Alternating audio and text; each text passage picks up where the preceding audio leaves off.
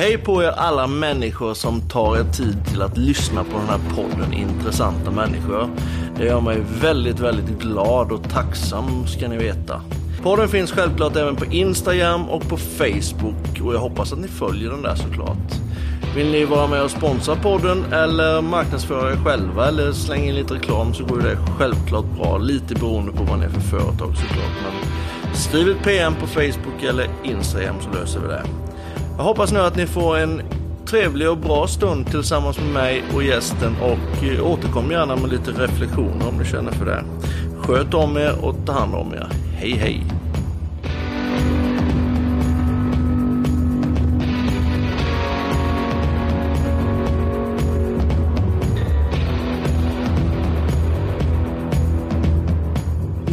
Då sitter jag alltså i Kärrtorp heter det va? Ja, precis, Kärrtorp. Ja, tillsammans med, eh, ja du kallas ju för tunnelbanenättan rent officiellt, Ja. så, men det är ju Jeanette såklart. Ja, Ja. Jeanette är det, men eh, tunnelbanenettan blev det ju med svenska folket där på kanal 5. Hur började alltihopa? Hur började vid din sida menar du? Det började liksom karriären i är din tunnelbanan? karriär i tunnelbana. Vem är du egentligen som Ja. person? Alltså jag är en vanlig hälsingetjej uppifrån Hälsingland då och eh, har vuxit upp med fotboll och eh, moppa, moped och eh, ja, alltså kommer från en fantastisk eh, underbar familj. Fast mamma och pappa skilde sig när jag var liten men vi har bägge, kontakt med bägge två väldigt bra, hade vi hela uppväxten. Nu är mamma död tyvärr. Men eh, jag bodde där i Färila och gick i skolan och spelade fotboll och kallades älgen, för jag var ju längst av alla, har alltid varit. Jag var så jävla krokryggad ett tag där, för jag ville ju vara kortare, så jag fick en sån här sele som de drog upp på ryggen för jag skulle se, liksom, sträcka på mig. Men det var inte lätt att vara längst i klassen när man var ung. Va? Sen så, så tänkte jag så här, här kan man ju inte bo hela livet, jag får ingen jobb i, uppe i Hälsingland, det var svårt. Liksom. Jag hade ju drömmar och visioner. Så jag skulle bli livvakt eller ordningsvakt eller polis eller brandman, liksom. det var det som jag skulle bli. Och pappa bodde i Stockholm och mamma bodde ju i Färila. Så att eh, jag tänkte att jag flyttar upp till pappa, eller ner blir det va? jag flyttar ner till Stockholm till pappa och sen jobbar han i bevakningsbranschen. Så jag började jobba som ordningsvakt. Jag utbildade mig lite 89 gjorde jag faktiskt. Och eh, jobbade på ABAB på den tiden hette det. Gick man runt i basker och skinnjacka. Och... Ja men det var lite coolt där och då var det ett annat, helt annat sätt att jobba. Det var inte samma säkerhetssystem framförallt tunnelbanan men det var ändå Alltså där var det slagsmål på spåren och man höll på där och liksom sprang runt och man hade liksom ett helt annat uppbyggt säkerhetssystem. Men det var roliga tider, alltså det var ju, man vart ju formad där liksom. Och sen så 91 där så ringde de, en kompis till mig och frågade om jag ville vara arrestvakt på polisen. Och jag tänkte så här, arrestvakt på polisen. Och då var jag ganska trött på tunnelbanan där ett tag för jag kände fan man går runt plattformarna fram och tillbaka. Så. Men då började jag jobba som arrestvakt och där var jag i sju år. Och det var jättekul, jag jobbade med ett turlag, samma turlag som Martin Melin jobbade jag, så vi har känt varandra väldigt länge han och jag. Så vi jobbade ihop i sju år och eh, sen så varslade de, jag tror det var 800-900 stycken, 97 därför de skulle ta bort massa civilanställda. Så då rök jag från det då, eftersom jag inte var så gammal i tjänst, bara sju år.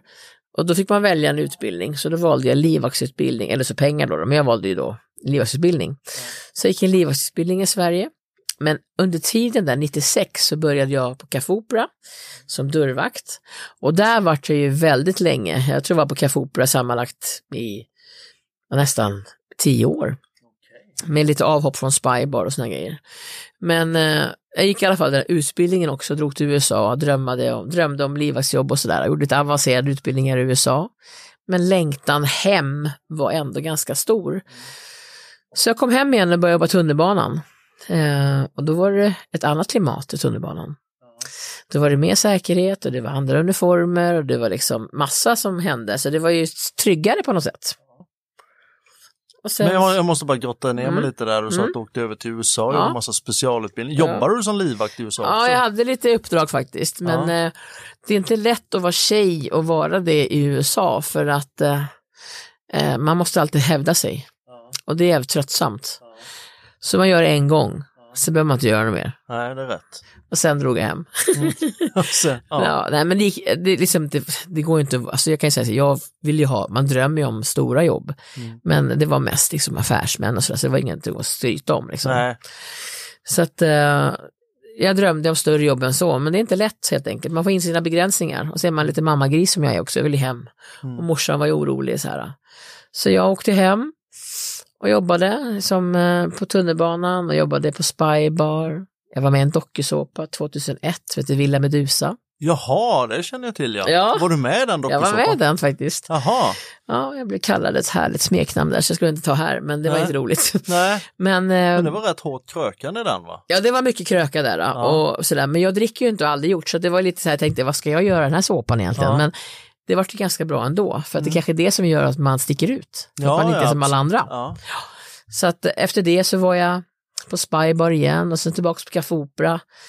Och sen jobbade jag, och så pluggade jag faktiskt till behandlingspedagog. Jobbade mycket på behandlingshem med kriminella missbrukare. Det var bland de bästa jobb jag haft. Det var riktigt roligt var det. Spännande. LVM-hem eller? Ja men allt så här, det var ofta många som hade varit kriminella, hade ett litet missbruk i bakgrunden och så Ja. fick de avtjäna sista tiden på ett behandlingshem. ja. Kallas P34, tror jag. P34, Ja, precis. Ja, Och där jobbade jag också och det var också ett av de fantastiska jobb jag haft. Så att jag har haft väldigt fina jobb, ja. Mm. roliga jobb och sen tillbaks till tunnelbanan. Igen då alltså? Ja igen där, jag kunde inte bestämma mig. det var tredje gången då alltså? Ja, jag tror att tredje gången gillt där. Ja, jag har ju alltid varit där och nosat. Ja. Men sista gången här nu så då var det lite mera seriöst och då var det liksom helt annat och vi hade liksom, jag kan inte förklara men det kändes som att det var så himla bra. Alltså det var bra att jobba i tunnelbanan den här gången. Ja. Det var liksom proffsigt allting. Bra med säkerhetssystemen och mycket ordningsvakter och mycket samarbete med poliser och det var ledningscentraler och allting var så himla skillnad. Och där var det då det här programmet Tunnelbanan som hade gått ett tag. Ja men hur, hur kom det, alltså det hade redan eh, Ja, det hade gått. Ja, ja, det hade gått. Men jag hade ingen tanke på det, för jag tänkte så här, jag orkar inte ens springa. Jag är så här människa så att när jag jobbar i tunnelbanan, då gillar jag att ta det lugnt. Mm. Alltså jag går, tittar lite, går och snackar med alla, kan sätta mig på en bänk och snacka med någon liten Ja. farbror som är kanske lite påverkad och snacka med honom och går och snackar med pundarna som håller på och skjuter i sig. Liksom. Jag gillar ju att prata med alla. Mm. Så jag tänkte så här, när de sökte folk till tunnelbanan för säsongen så skulle det vara, jag tror det var säsong fyra eller sådär. Mm. Fem, fyra var det. Och jag bara, aldrig, jag söker inte där liksom. Nej. Filma mig, jag, jag, jag orkar inte springa. Jag var så här lat, jag, jag är en lat jävel, det måste jag säga, när det gäller så här fys. Jag tränar aldrig. Ja, i alla fall, och då så hände det en grej, det var ett slagsmål på Östermalmstorg. Eh, och jag och min kollega åkte dit för de ropade upp och sa att ah, slagsmål på Östermalmstorg, kan ni ta det? Så vi bara, ja vi tar det. Så då åkte vi dit och då var det ett kamerateam där med den andra patrullen. Eh, och jag gick dit och jag tror vi löste det väldigt bra och jag var nog den som utmärkte mig tror jag. Jag kommer inte ihåg exakt vad jag gjorde men jag tryckte upp den mot väggen och la ner den andra. Jag, vet, jag kan ju bli, alltså jag kan ju ta för mig. Jag är inte den som går och gömmer mig utan när det gäller då smäller det liksom på riktigt och det är liksom inga fula grejer utan det är liksom som det ska vara. Men kamerateamet verkade bli lite imponerade av det så de ville gärna fråga mig så här, kan du inte berätta om vad, vad du gjorde och vad hände liksom och situationen. Och jag tänkte så här, fan jag kan ju berätta och jag är ändå lite kameravan för att jag har ju varit med då, då på en dokusåpa, jag har lärt mig synkar och jag har suttit med mycket talkshow, haft självförskurser, tv och grejer, jag har varit lite så här halv, överallt så där. Så jag berättade bara vad som hände och då så åkte jag tillbaks och sen så dagen efter så ringer min arbetsledare till mig och säger så här, Jeanette, du måste vara med i tunnelbanan. Och jag bara, aldrig! För då hade jag lite hjärtesorg också, jag hade blivit dumpad utav en kille. Ja, så jag var lite bitter och så här, lite ledsen, tyckte livet var jävligt surt liksom. Och då tyckte han så här, Mattias, att han, Jeanette, alltså kom igen, det här behöver du. Det kommer vara liksom bra om du är med nu, för du kommer få lite roligt skit den där jäveln och så här, du vet. Jag bara, nej, ja men kanal 5 har ringt hit och de, de är verkligen, de, du måste vara med. Jag tänkte så här, vad fan är det här? Jag sa det, oh, på ett villkor. Ja men det får du ta med dem så här. Sen jag träffade den här kameran, sa ingen filmar mig bakifrån, inga rövbilder, Ja. ingenting, allting blir större på kameran. Så jag var så här, tyckte jag var skitknäpp. Ja. Så jag tänkte, var så obekväm i början med kamerateamet, sen fan alltså vad jobbigt att ha dem där springande efter mig. Men det gick så himla bra så man glömmer liksom bort dem. Ja. De är så himla smidiga att göra med. De är perfekta att gå och handla hamburgare. När man... Nej då, men vet du, de, det vart, man blir som tight. Det är jättekul. Och då gick det väldigt bra det där passet så att de ville ha mig mer.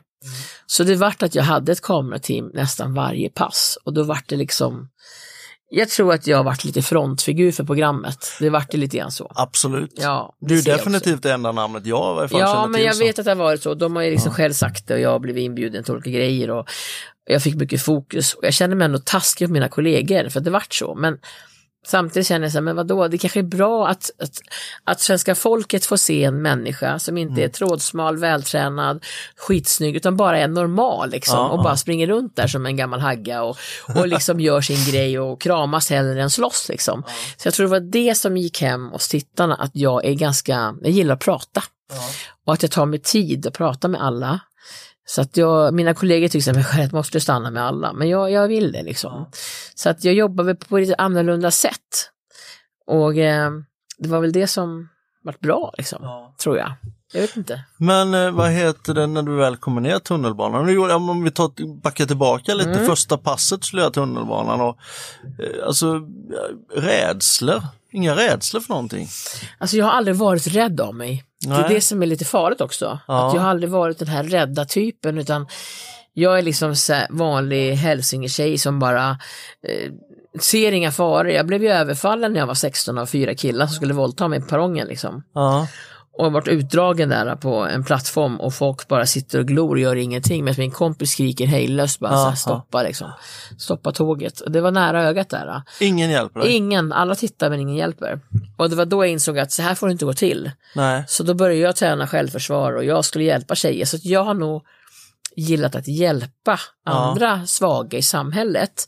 Så det har väl lite röd tråd med allt det jag gör, att man vill hjälpa de som är lite svagare efter det där hände mig. Liksom. Mm. Så att det var en jävligt tuff situation. Liksom. Sen dess har jag varit så att, nej, jag skiter om jag gillar mig, liksom. jag klarar det. Men om andra gillar sig så blir det värre. Liksom. Så det är väl kanske det som har varit lite, därför gillar jag tunnelbanan, att plåstra om folk och prata. Ja, om. men det förstår jag. Har Mm. du själv eh, varit med liksom och fått göra ingripande på sådana händelser som du själv Ja, massor. Alltså Ja. mycket självmordsförsök och mycket självskadebeteenden och mycket olyckor, plåstra om folk och linda ihop delar och ja men det har varit väldigt mycket och så är det mycket som inte följarna på tv får se. Ja. Utan det är liksom, Är det lite polerat eller? ja men så själva programmet är, man kan inte visa liksom ett pågående självmordsförsök eller kanske när det är mycket blod för det är ändå barnvänligt program. Så vi måste ju tänka på att man kan inte visa det som hände alltid. Nej, det. Men det är ju inte, vissa frågor blir så här, åh är det regisserat det där, är det liksom teater? Nej, det, allt är på riktigt. Det som händer, det händer. Och ibland blir det så pass hett att man inte kan ha med det helt enkelt. Det blir liksom inte barnvänligt liksom. Så, Hur mycket skador har du själv ådragit dig när du har eh, jobbat i tunnelbanan? Alltså väldigt få. Alltså jag kan hamna mitt i stora slagsmål men det känns som att, att jag klarar mig väldigt bra faktiskt. Det är helt sjukt. Jag vet inte, en gång så stod vi i Slussen, jag och min kollega Jonas, och han hade ingen kollega hade han. Så han ville ha en kollega och jag hade heller ingen kollega då. Så kommer det in ett tåg fullt med AIK-huliganer. Ja.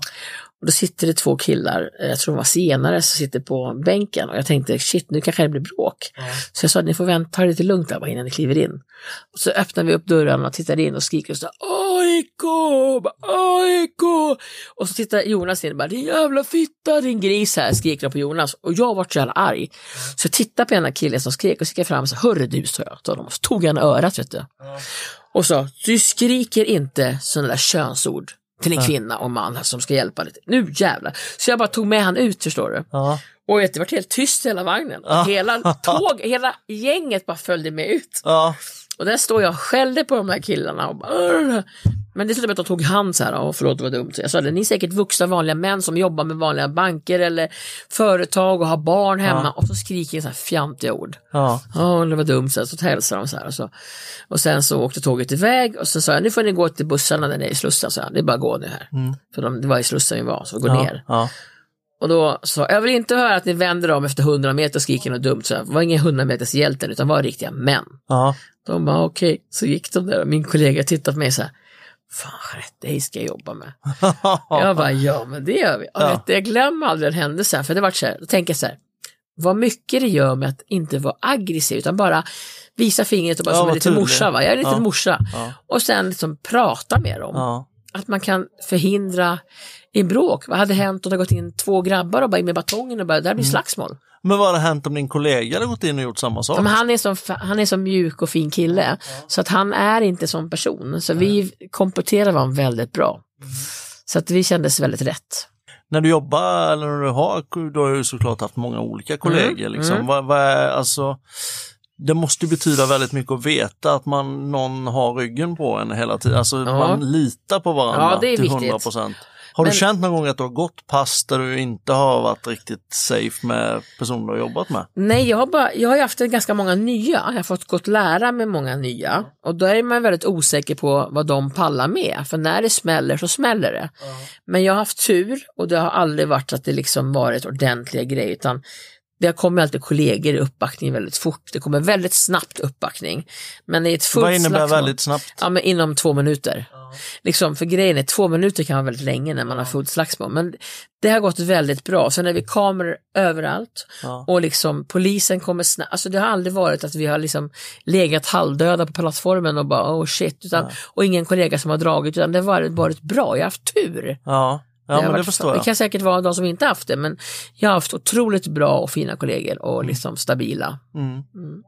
Men du har ju även stått i dörren en hel del på, Mm. på Spybar och på Caféet Café och- Opera och lite Ja. sånt där. Du har ju jobbat ihop med många profiler förstår jag Ja. som, är, som är relativt eh, namnkända. Ja. Säga. Jag har träffat väldigt många. Ja, ja, precis. Men hur eh, känns är skillnaden med att stå i dörren mot att gå i tunnelbanan? Men alltså det är helt två olika grejer. Jag menar, i, på en krog så säger krögare så här, ikväll ska vi ha så här eh, temat eller det ska vara så här, vi ska ha en fin fest här och tänk på det och det. Ja. Och, liksom, och sen är det så att då ska vi tänka på det. Ja. Och kanske inte få ta in vad som helst då. Och när det samlas eh, 100 pers och alla vill komma in och vi kan inte göra det, då är det väldigt jobbigt att säga nej. Att tyvärr kan inte han komma in för han har liksom rosa skjorta och rutiga brallor och vita tubsocker. Ja. Det kanske inte går in för krögarens smak. Nej. Så det är väldigt svårt att säga nej, tycker jag. Och det retar ju mina kollegor mig för, för att jag är från Norrland. Liksom, och, och tycker, jag tycker vadå, det kan vara snyggt med vita tubsocker. Det hade jag. Ja, Men de sa nej, det går inte. Alltså, du vet, det är liksom det här att man måste tänka på ett annat sätt i krogen. Det är Ja. väldigt mycket ögon på sig där. Ja. Men vi hade väldigt kul eh, och eh, man får ju hålla ett visst antal Mm. och blir det bråk inne på en restaurang, jag menar då gäller det att vara snabb och liksom plocka ut personerna som bråkar. Så det, går ju, det måste gå snabbt där och vi har inte samma uppbackning utav eh, krogen är en annan grej. Liksom. Ja. Men att idag är det ju poliser överallt, det är ju uppställda polisstationer kan man säga mitt på Stureplan. Mm. Så det är tryggare att jobba idag, men det var det inte på när man var där 2096 och 2006, Nej. och här. det var lite annorlunda. Men var du med vid skjutningarna på Stureplan? Nej, inte, det var jag inte. Jag kommer ihåg att jag hörde den tror jag. Eh, men jag vet inte vilket, när var det? Vilket år var det? Jag kommer inte riktigt ihåg Nej. var så, men det, För 91 jobbade jag där på polisen, så jag kommer inte ihåg om det var då där någon gång. ja, men det kan det nog ha varit. Det kan det nog ha Mm. varit det. Så jag var inte med där. Då.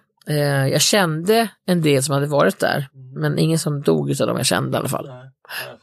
Men det, var, det går väldigt fort, jag är själv blivit pistolhotad med en pistol i pannan liksom. Ja. Men eh, jag, jag tänkte på det, hur ofta förekommer det här med hoten och sånt? Då?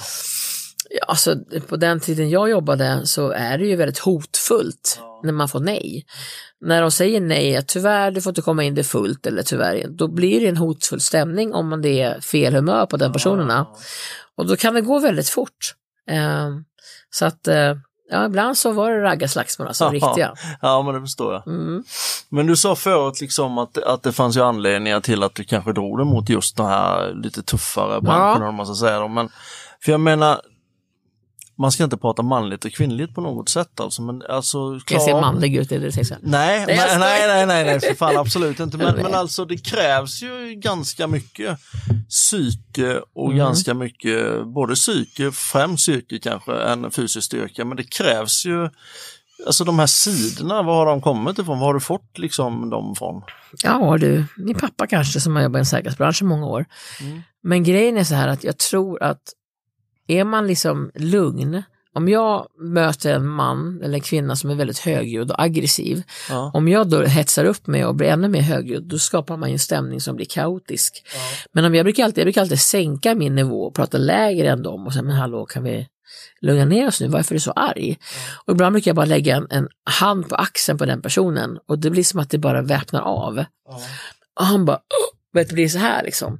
Så att jag tror att man har ju liksom bara gjort sin grej. Jag gör på, jag gör på mitt sätt bara. Jag tror, jag tror mest på att prata.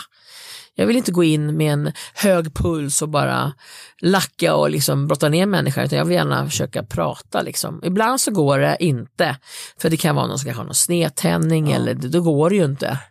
Men om man bara är förbannad, för man kommer inte in på krogen och så ska de ner på tunnelbanan och åka, så stoppar vi dem för att de är fulla. Ja. Då kan det bli väldigt hårt. Liksom. Ja.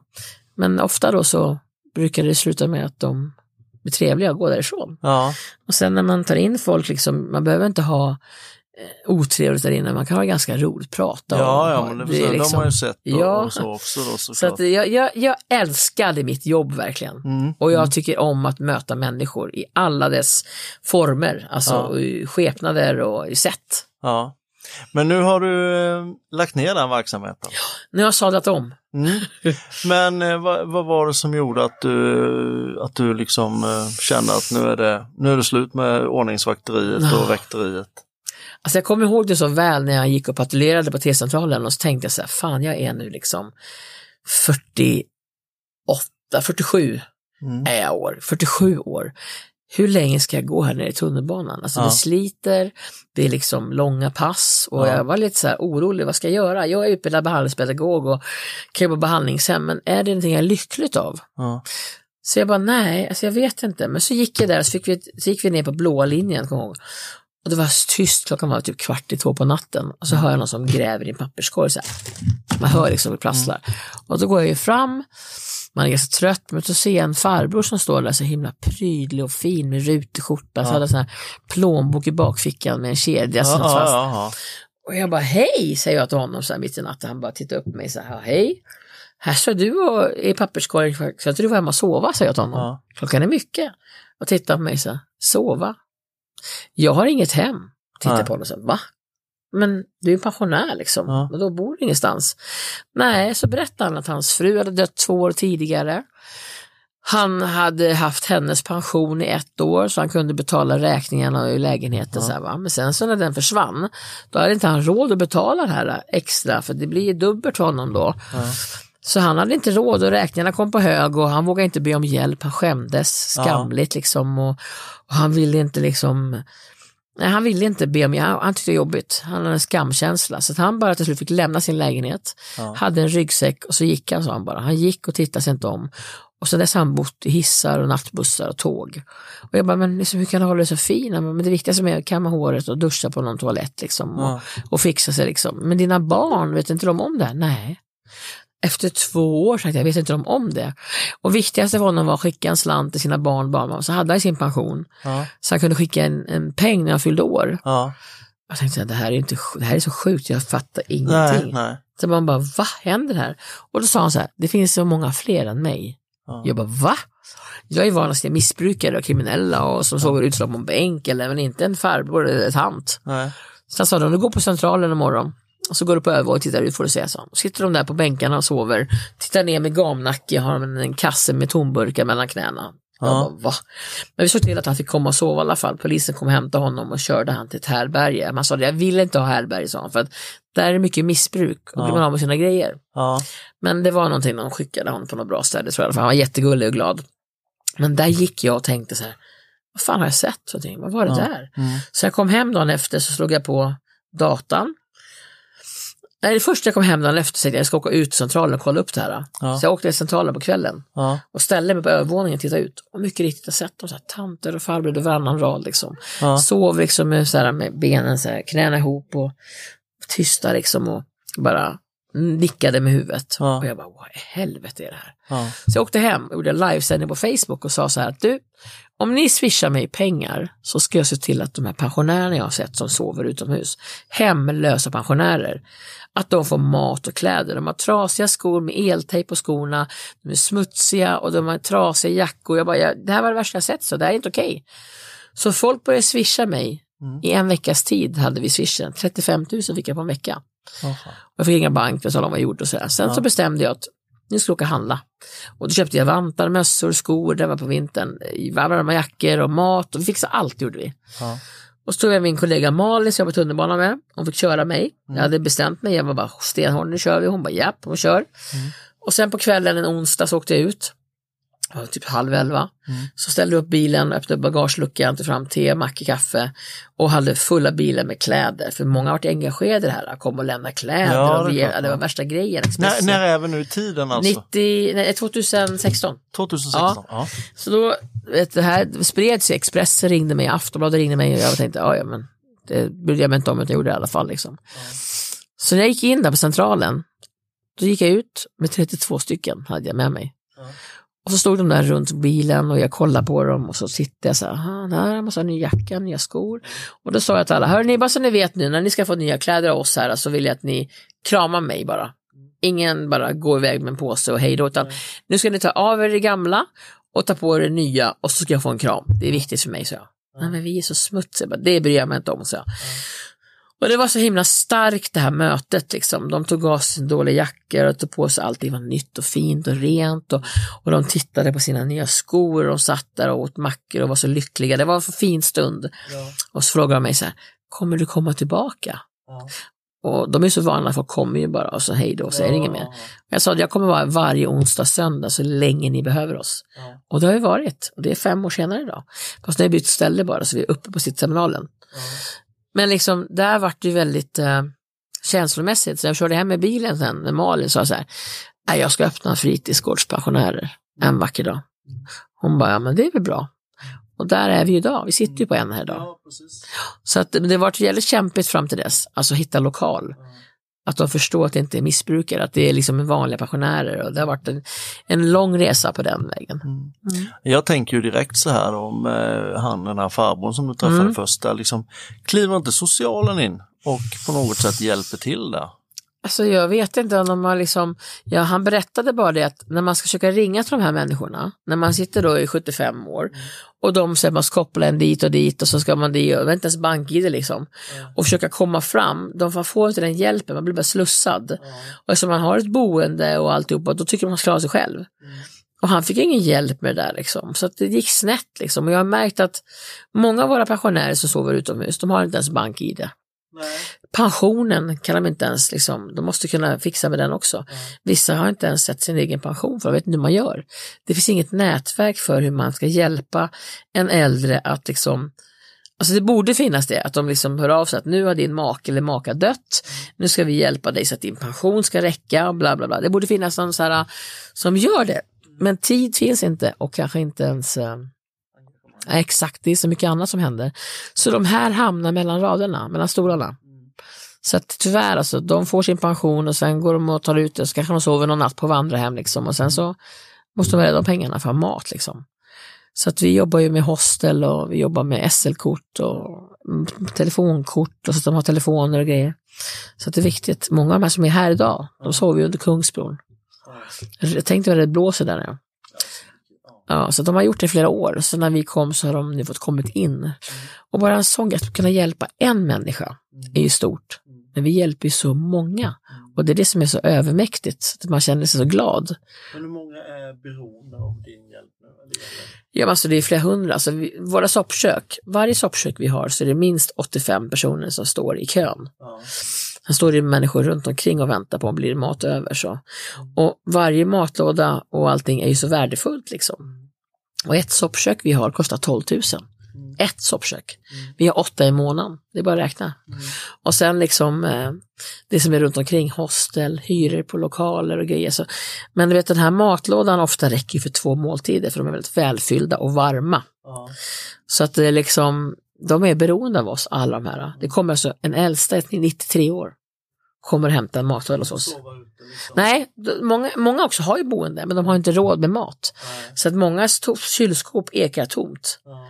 Många som man, man bor i samma hus som, man kanske har en äldre, ofta ser man inte den människan ut och gå eller de sitter hemma i sitt köksfönster ensam och isolerade. Ja. Ensamhet dödar också. Det. Och de är ju fattiga och inte vill be om hjälp. De har skam liksom. Jag tycker det är så sorgligt. Så vet man om någon gammal som sitter, alltså man kan knacka på och säga hej, ska jag gå och handla till dig, behöver du mat? Eller att bara kunna hjälpa sin granne eller någon som man vet om. Liksom. Men det är väl inte typiskt svenskt att göra så egentligen? Nej, men jag tror att det har blivit mer. Ja. För att det finns så otroligt mycket generösa människor i vårt avlånga land. Så jag har ju märkt när jag började med det här, att det är så många som vill hjälpa. Mm. För när jag började att tigga swish för det här, va? det bara rasade in. Så man märker att engagemanget hos svenska folket är ju otroligt. Det kändes som att det bara behövdes en som startade upp det. Ja, som vågade liksom Ja. visa sig. Ja. Och sen när man får komma upp till politiker och berätta och träffa alla de här politikerna och de tycker också att det liksom är skamligt. Ja. Men gör något då. Snacka inte bara.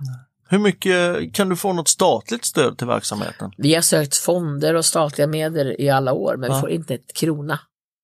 Utan det här är alltså privata företag som Ja. finansierar allting? Ja, ja. Swish, vanliga, vanliga, vanliga människor sitter hemma och swishar en femtelapp, liksom, tycker att det vi gör är fint och så har vi företag som går in med större summor. Och, otroligt, alltså hade inte vi, alltså, fantastiskt mycket fina engagemang och Mm. folk som engagerar sig och gör massa saker för att vi ska få in pengar. Liksom. Ja. Så vi är så tacksamma och glada. Liksom.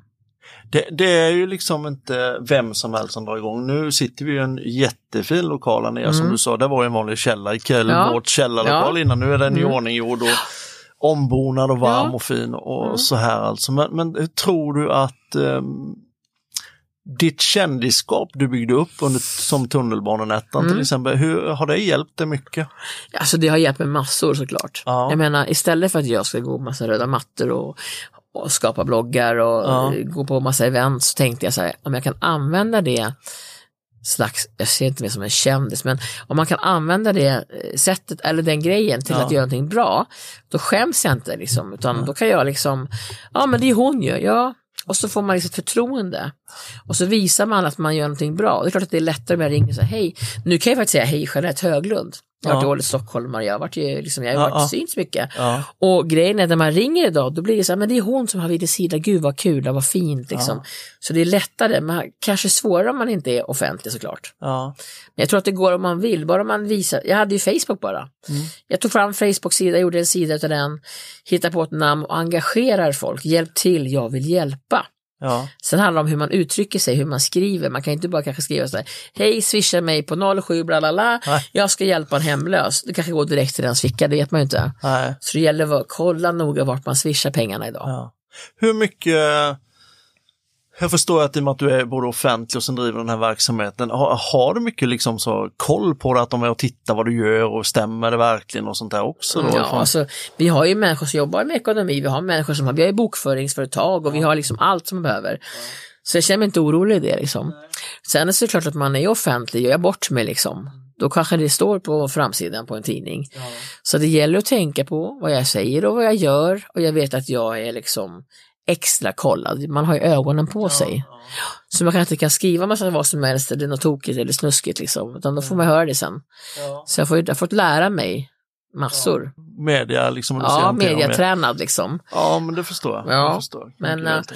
Jag känner ändå på vilken sida hur jag skriver, hur jag uttrycker mig. Det måste vara jag liksom. Jag kan inte vara någon sån här, jag särskriver och jag kan skriva tokigt liksom, men då är det inte jag om jag ska vara perfekt. Nej. Så folk har ju lärt känna mig för den jag är. Sen kan inte jag sitta och svära, men jag har ju livesändningar och jag kan bli förbannad och säga fan, jag har till och med gråtit eh, under livesändning inför flera hundratusen människor. Det spred sig som en löpeld och visade att jag är väldigt svag också ibland. Ja. Att våga visa sig svag är en styrka. Jo, det är det såklart. Mm. Samtidigt visar det ju också, för du har ett enormt hjärta, det Ja. är ju helt klart alltså. Ja, man vill ju hjälpa liksom. Ibland när det blir, när man får motstånd och man bara vill hjälpa, då blir det för mycket även för mig. Så att eh, då får man visa och, och då en gång så hade jag väldigt jobbigt. Eh, det vart, jag hade en demonstration liksom och så vart det en massa drev. Och då tänkte sig, jag orkar inte det här. Ska det här kosta min, min hälsa för att jag försöker hjälpa några? Men då åkte jag ner till Farsta centrum och så gick jag där och hade typ mössa över huvudet och gick, jag måste handla. Så kom det fram ett par, ett gammalt par till mig, äldre par och bara kom fram. Jeanette, jag måste bara få krama dig och säga tack för att du gör det här för oss pensionärer. Det betyder så mycket. Tänkte så här, men det är ju det jag ska fokusera på. Mm. Inte hatarna. Inte de som bara hittar på massa grejer om mig, utan att om man läser en rubrik men inte innehållet, då är det lätt att sprida hat. Men läser man innehållet, inte bara rubriken som säljer, då förstår man kanske att oj då. Så att då kände jag där och då att de kan bara ta sig där bak. Jag tänker bara backa när jag tar sats liksom. Ja. That's it. ja, men det är helt rätt. Det är Mm. ju riktigt bra inställning. Mm. Men hur är din tanke om eh, för framtiden nu de organisationerna? Är det rikstäckande du satsar på att bli? eh? Ja, jag har bytt namn nu till Videosida Sverige Mm. och det är ett syfte med det. Göteborg, sen får vi se vad nästa blir. Ja, du har ju startat upp, du har Ja. Göteborg alltså. Ja, precis. Sen får vi ju se vad vi gör mer. Jag har massa planer och så har jag då människor i min närhet som jobbar med mig som måste ibland plocka ner mig lite på jorden för jag svävar gärna upp i det blå. Men på vägen så kommer vi till någon fram till något bra så att vi kommer utöka verksamheten. Men vad vet vi inte, men vi kommer hända saker framöver. Ja. Och du har liksom folk hela tiden som går in och stöttar och Oh, hjälper ja. till och sånt. Jajamän. Ja. Känner mig väldigt trygg just nu. Men även du, hur stark du än är och hur, hur mycket energi du än har, även du måste ju ha ventiler och eh, sätt att hantera känslor och sånt där såklart. För, för du kan ju inte bara lägga hun- 90% av din tid här och sen gå hem och lägga dig och sen börja om igen. Så har det varit. Ja, det är så ja. Ja, men, det, men jag har ju så fantastiska vänner och familj. Jag Ja, menar men- min syster och mina bästa kompisar och eh, mina kollegor här liksom. Så att, Ja. Men grejen är, ibland så har man glömt bort, oj jag har inte haft semester på två år, kanske Nej. måste åka iväg och tanka. Så att jag har åkt iväg faktiskt i november, min första resa på länge och vila och då sov jag tror jag, jag gick och la mig halv nio på kvällen och vaknade åtta på morgonen. Och sov väldigt mycket. Sen tankar jag mycket energi i mina katter. Visst, jag har offrat en del. Jag menar, jag är inte ute på dejtningsmarknaden liksom och hittar någon karl eller jag har liksom träffat två människor i mitt liv som bara skrämde bort mig nästan, de här två männen. Det var katastrof. Sen dess har jag tänkt att nej, men jag skiter i det här.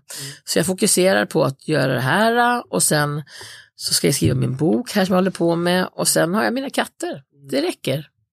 Du känner då att det, det, Ja, det är, det är den tankningen som behövs? Ja. Om det kommer en prins på en vit häst och säger så här, Jeanette, Mm. absolut, men jag vill inte ha en man som ska ändra på mig eller Nej.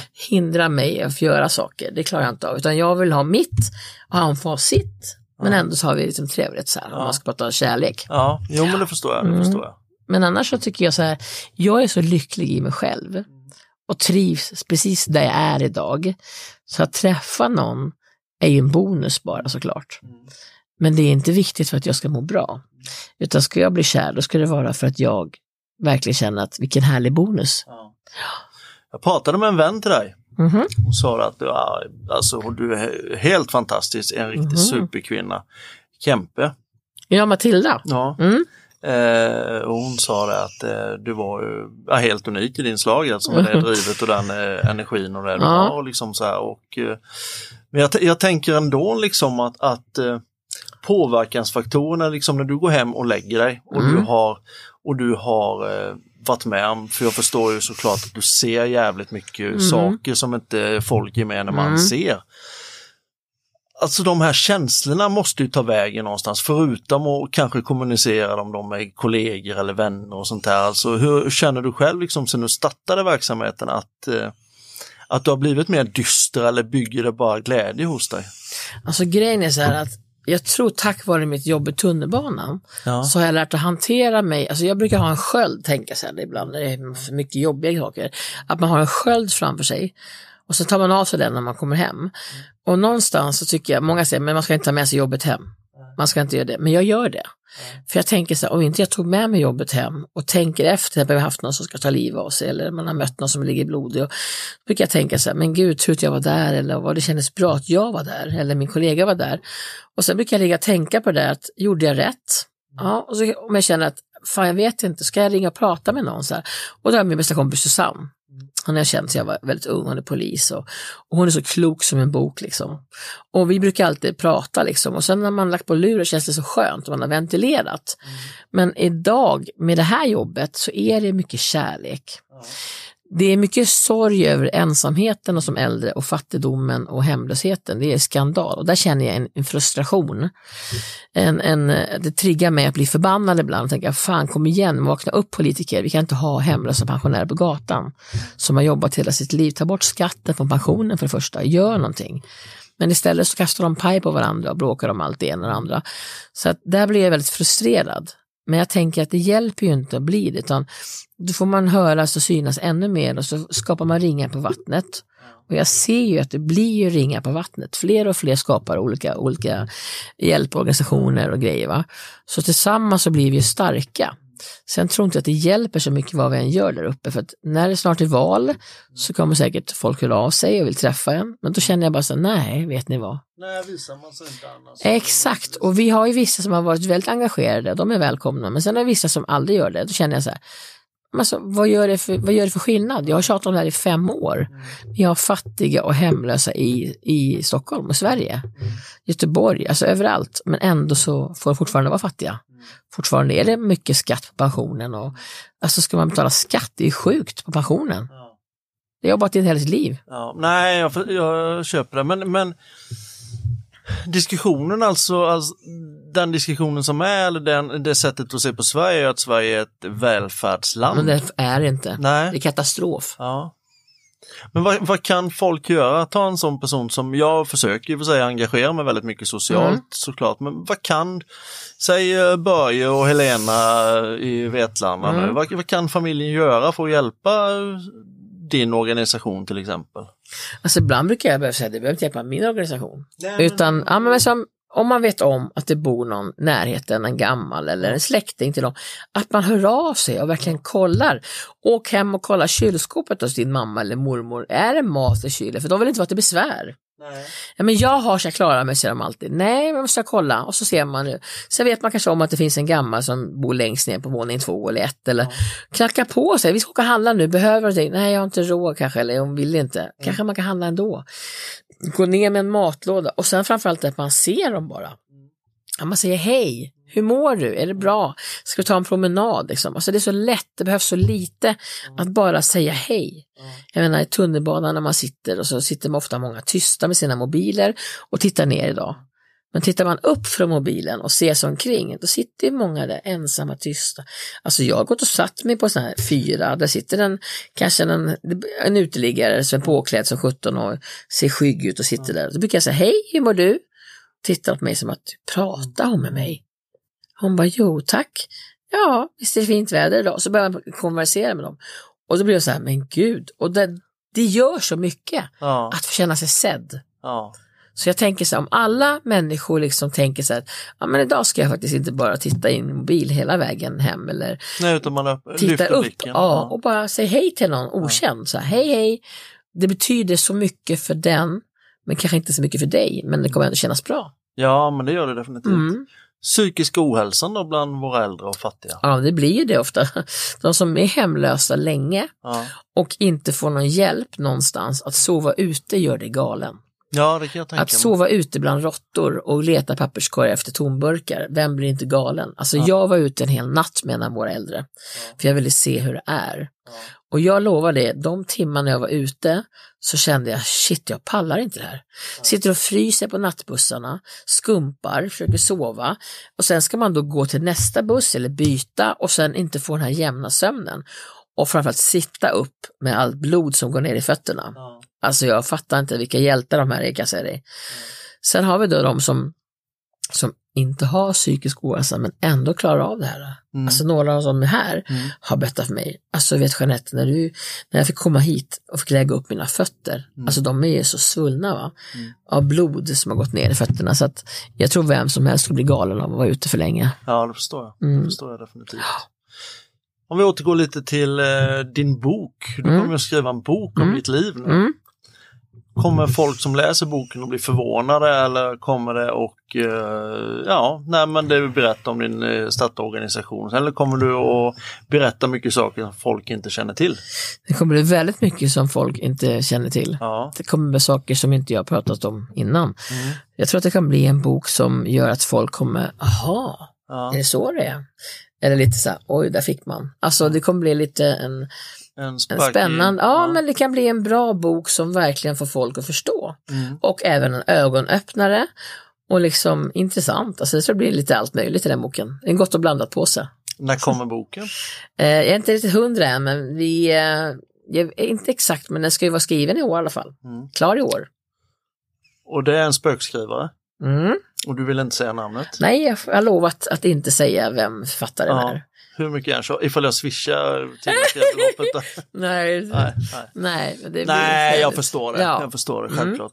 Ja, du gör ett helt makalöst bra jobb alltså. men tack. Det, det måste jag säga, man är, man är ruggigt imponerad. Är det därför jag ville träffa dig och, Mm. och spela in den här podden? Mm. Så här.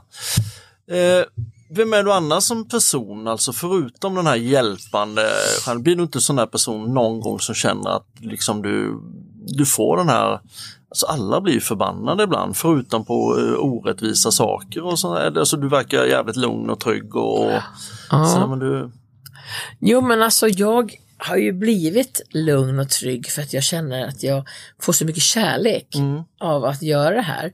Sen blir jag också skitförbannad och frustrerad liksom, när jag tittar på sociala medier och jag ser orättvisor och jag ser liksom eh, hur, vad som händer runt omkring oss.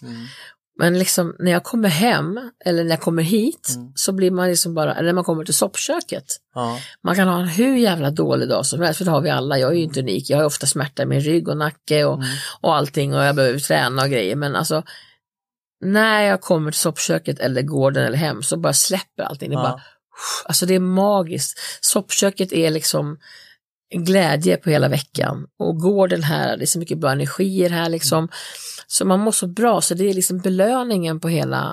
Och jag, men jag kommer alltid vara frustrerad och förbannad för orättvisor som sker och vi kan inte göra någonting åt det liksom. ja, Så att det bara att kämpa på. Men ja visst, jag är väldigt känslomänniska.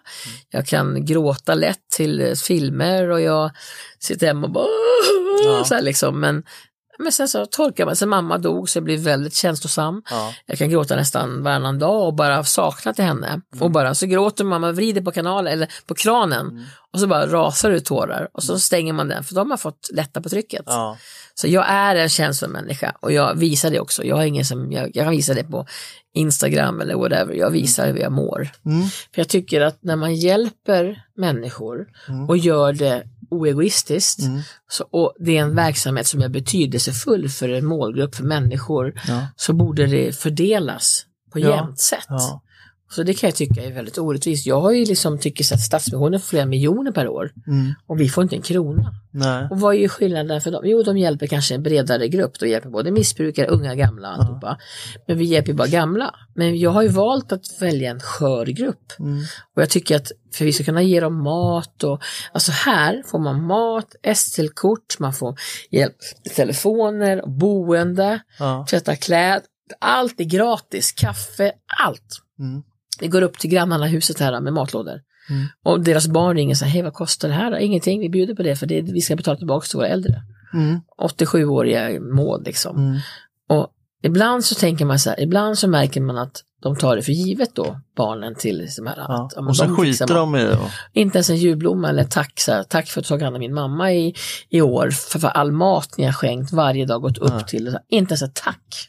Är Då blir jag förbannad. Ja. Och där kan jag känna så här, det är för jävligt, för ett tack kostar ingenting. Nej, Vi gör inte det för att få tack, men Nej. vi uppskattar att få ett tack eller att de kommer ner och knackar på med en liten chokladask. Ingenting.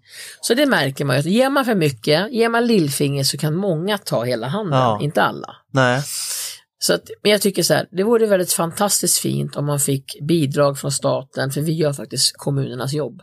Ja men det gör ni. Jag, jag känner så här att det som, det som stör mig in i helvetes mycket Mm. är att det här är ju regel personer som har varit med och bidragit otroligt mycket till Ja, samhället som har massor. haft ett vanligt liv Ja, och sen blir de kastade på soptippen helt enkelt. ja, Medan personer som kanske inte har bidragit med en spänn till samhället ja. får de här pengarna. Är det, alltså fördelningspolitiken är ju helt, om vi ska inte prata politik alltså, men den är ju helt åt helvete helt enkelt.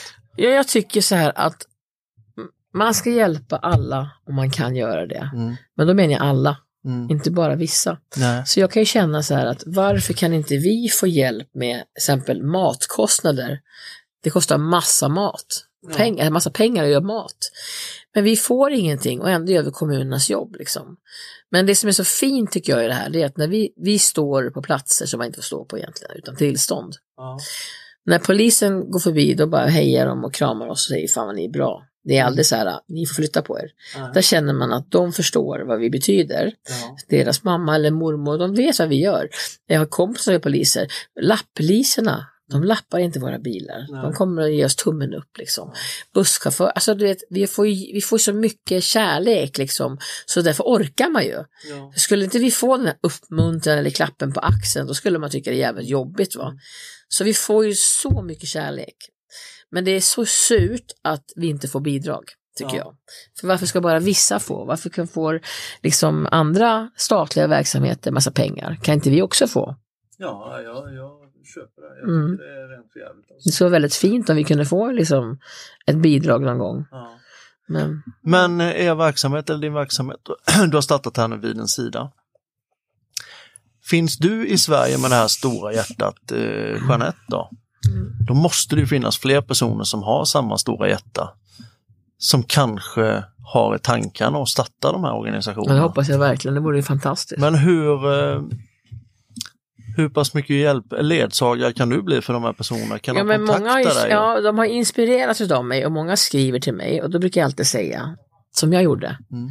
Först och främst så tittade jag på det problemet som fanns. Jag började luska Ja. efter jag upptäckte.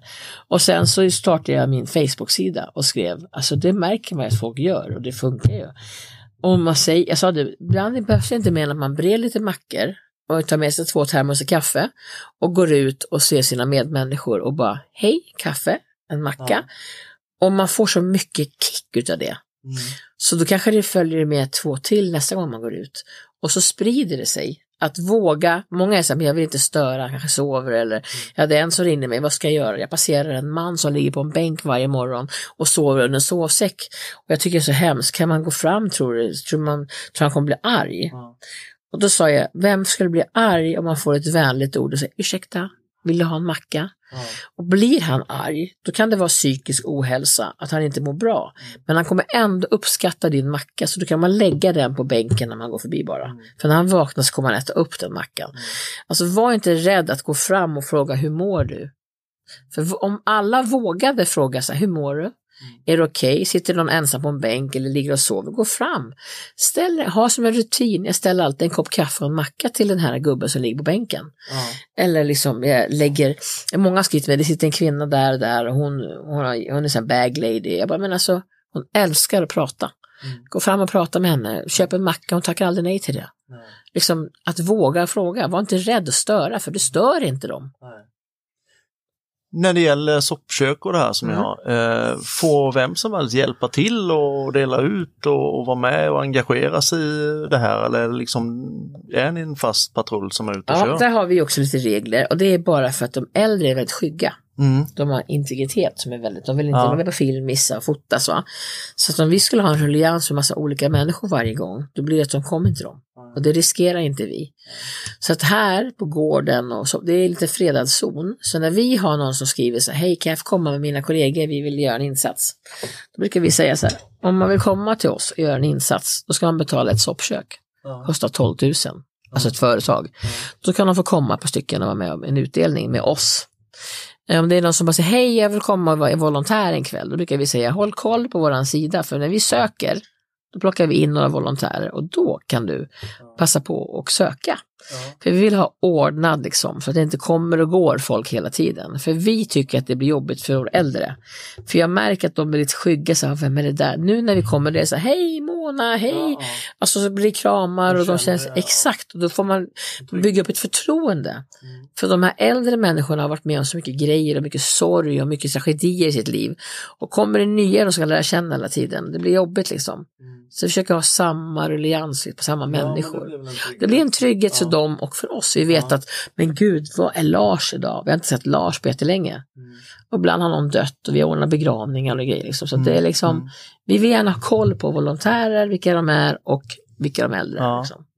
Men jag ska anmäla mig till det sen för jag vill Ja. även att Jobbussmålen vill jag gärna vara med åtminstone någon kväll eller Ja. någonting, ifall man kan göra någonting. Ja, ja, Så ja. självklart, det vore väldigt, Ja, väldigt... det kan komma så ska ni podda från själva soppköket. Ja, det skulle vi kunna göra definitivt alltså. Mm. Och En de söndag får du se. Ja, Mm. det vore väldigt, väldigt intressant. Mm.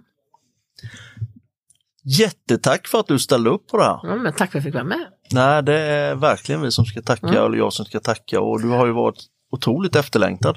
Ja, vad kul. Mm. Känner du att det är någonting som vi har missat som vi inte tagit med? Ja men alltså om man känner att man vill stötta oss. Ja, kan man det är ju såklart. Då kan man ju gå in på våran sida www.vinnesida.nu Mm. och så står det ju så här hur man gör. Månadsgivare eller swisha. Det står enkelt då hur man gör. Och alla kronor är viktiga. Och alla som inte går in där, vad är swishnumret då? Och jag kan inte det i huvudet. Nej okej, då lägger jag ut det ja, till gör det podden för då. jag, det är så mycket siffror i mitt huvud. Ja okej. okej. Den är svår. Ja, jag lovar jag ska Ja, swisha ja, en det slant i alla fall. Eh, jättetack och fortsätt med ditt stora hjärta. Ja, men alltså, för det är helt underbart. Mm, tack.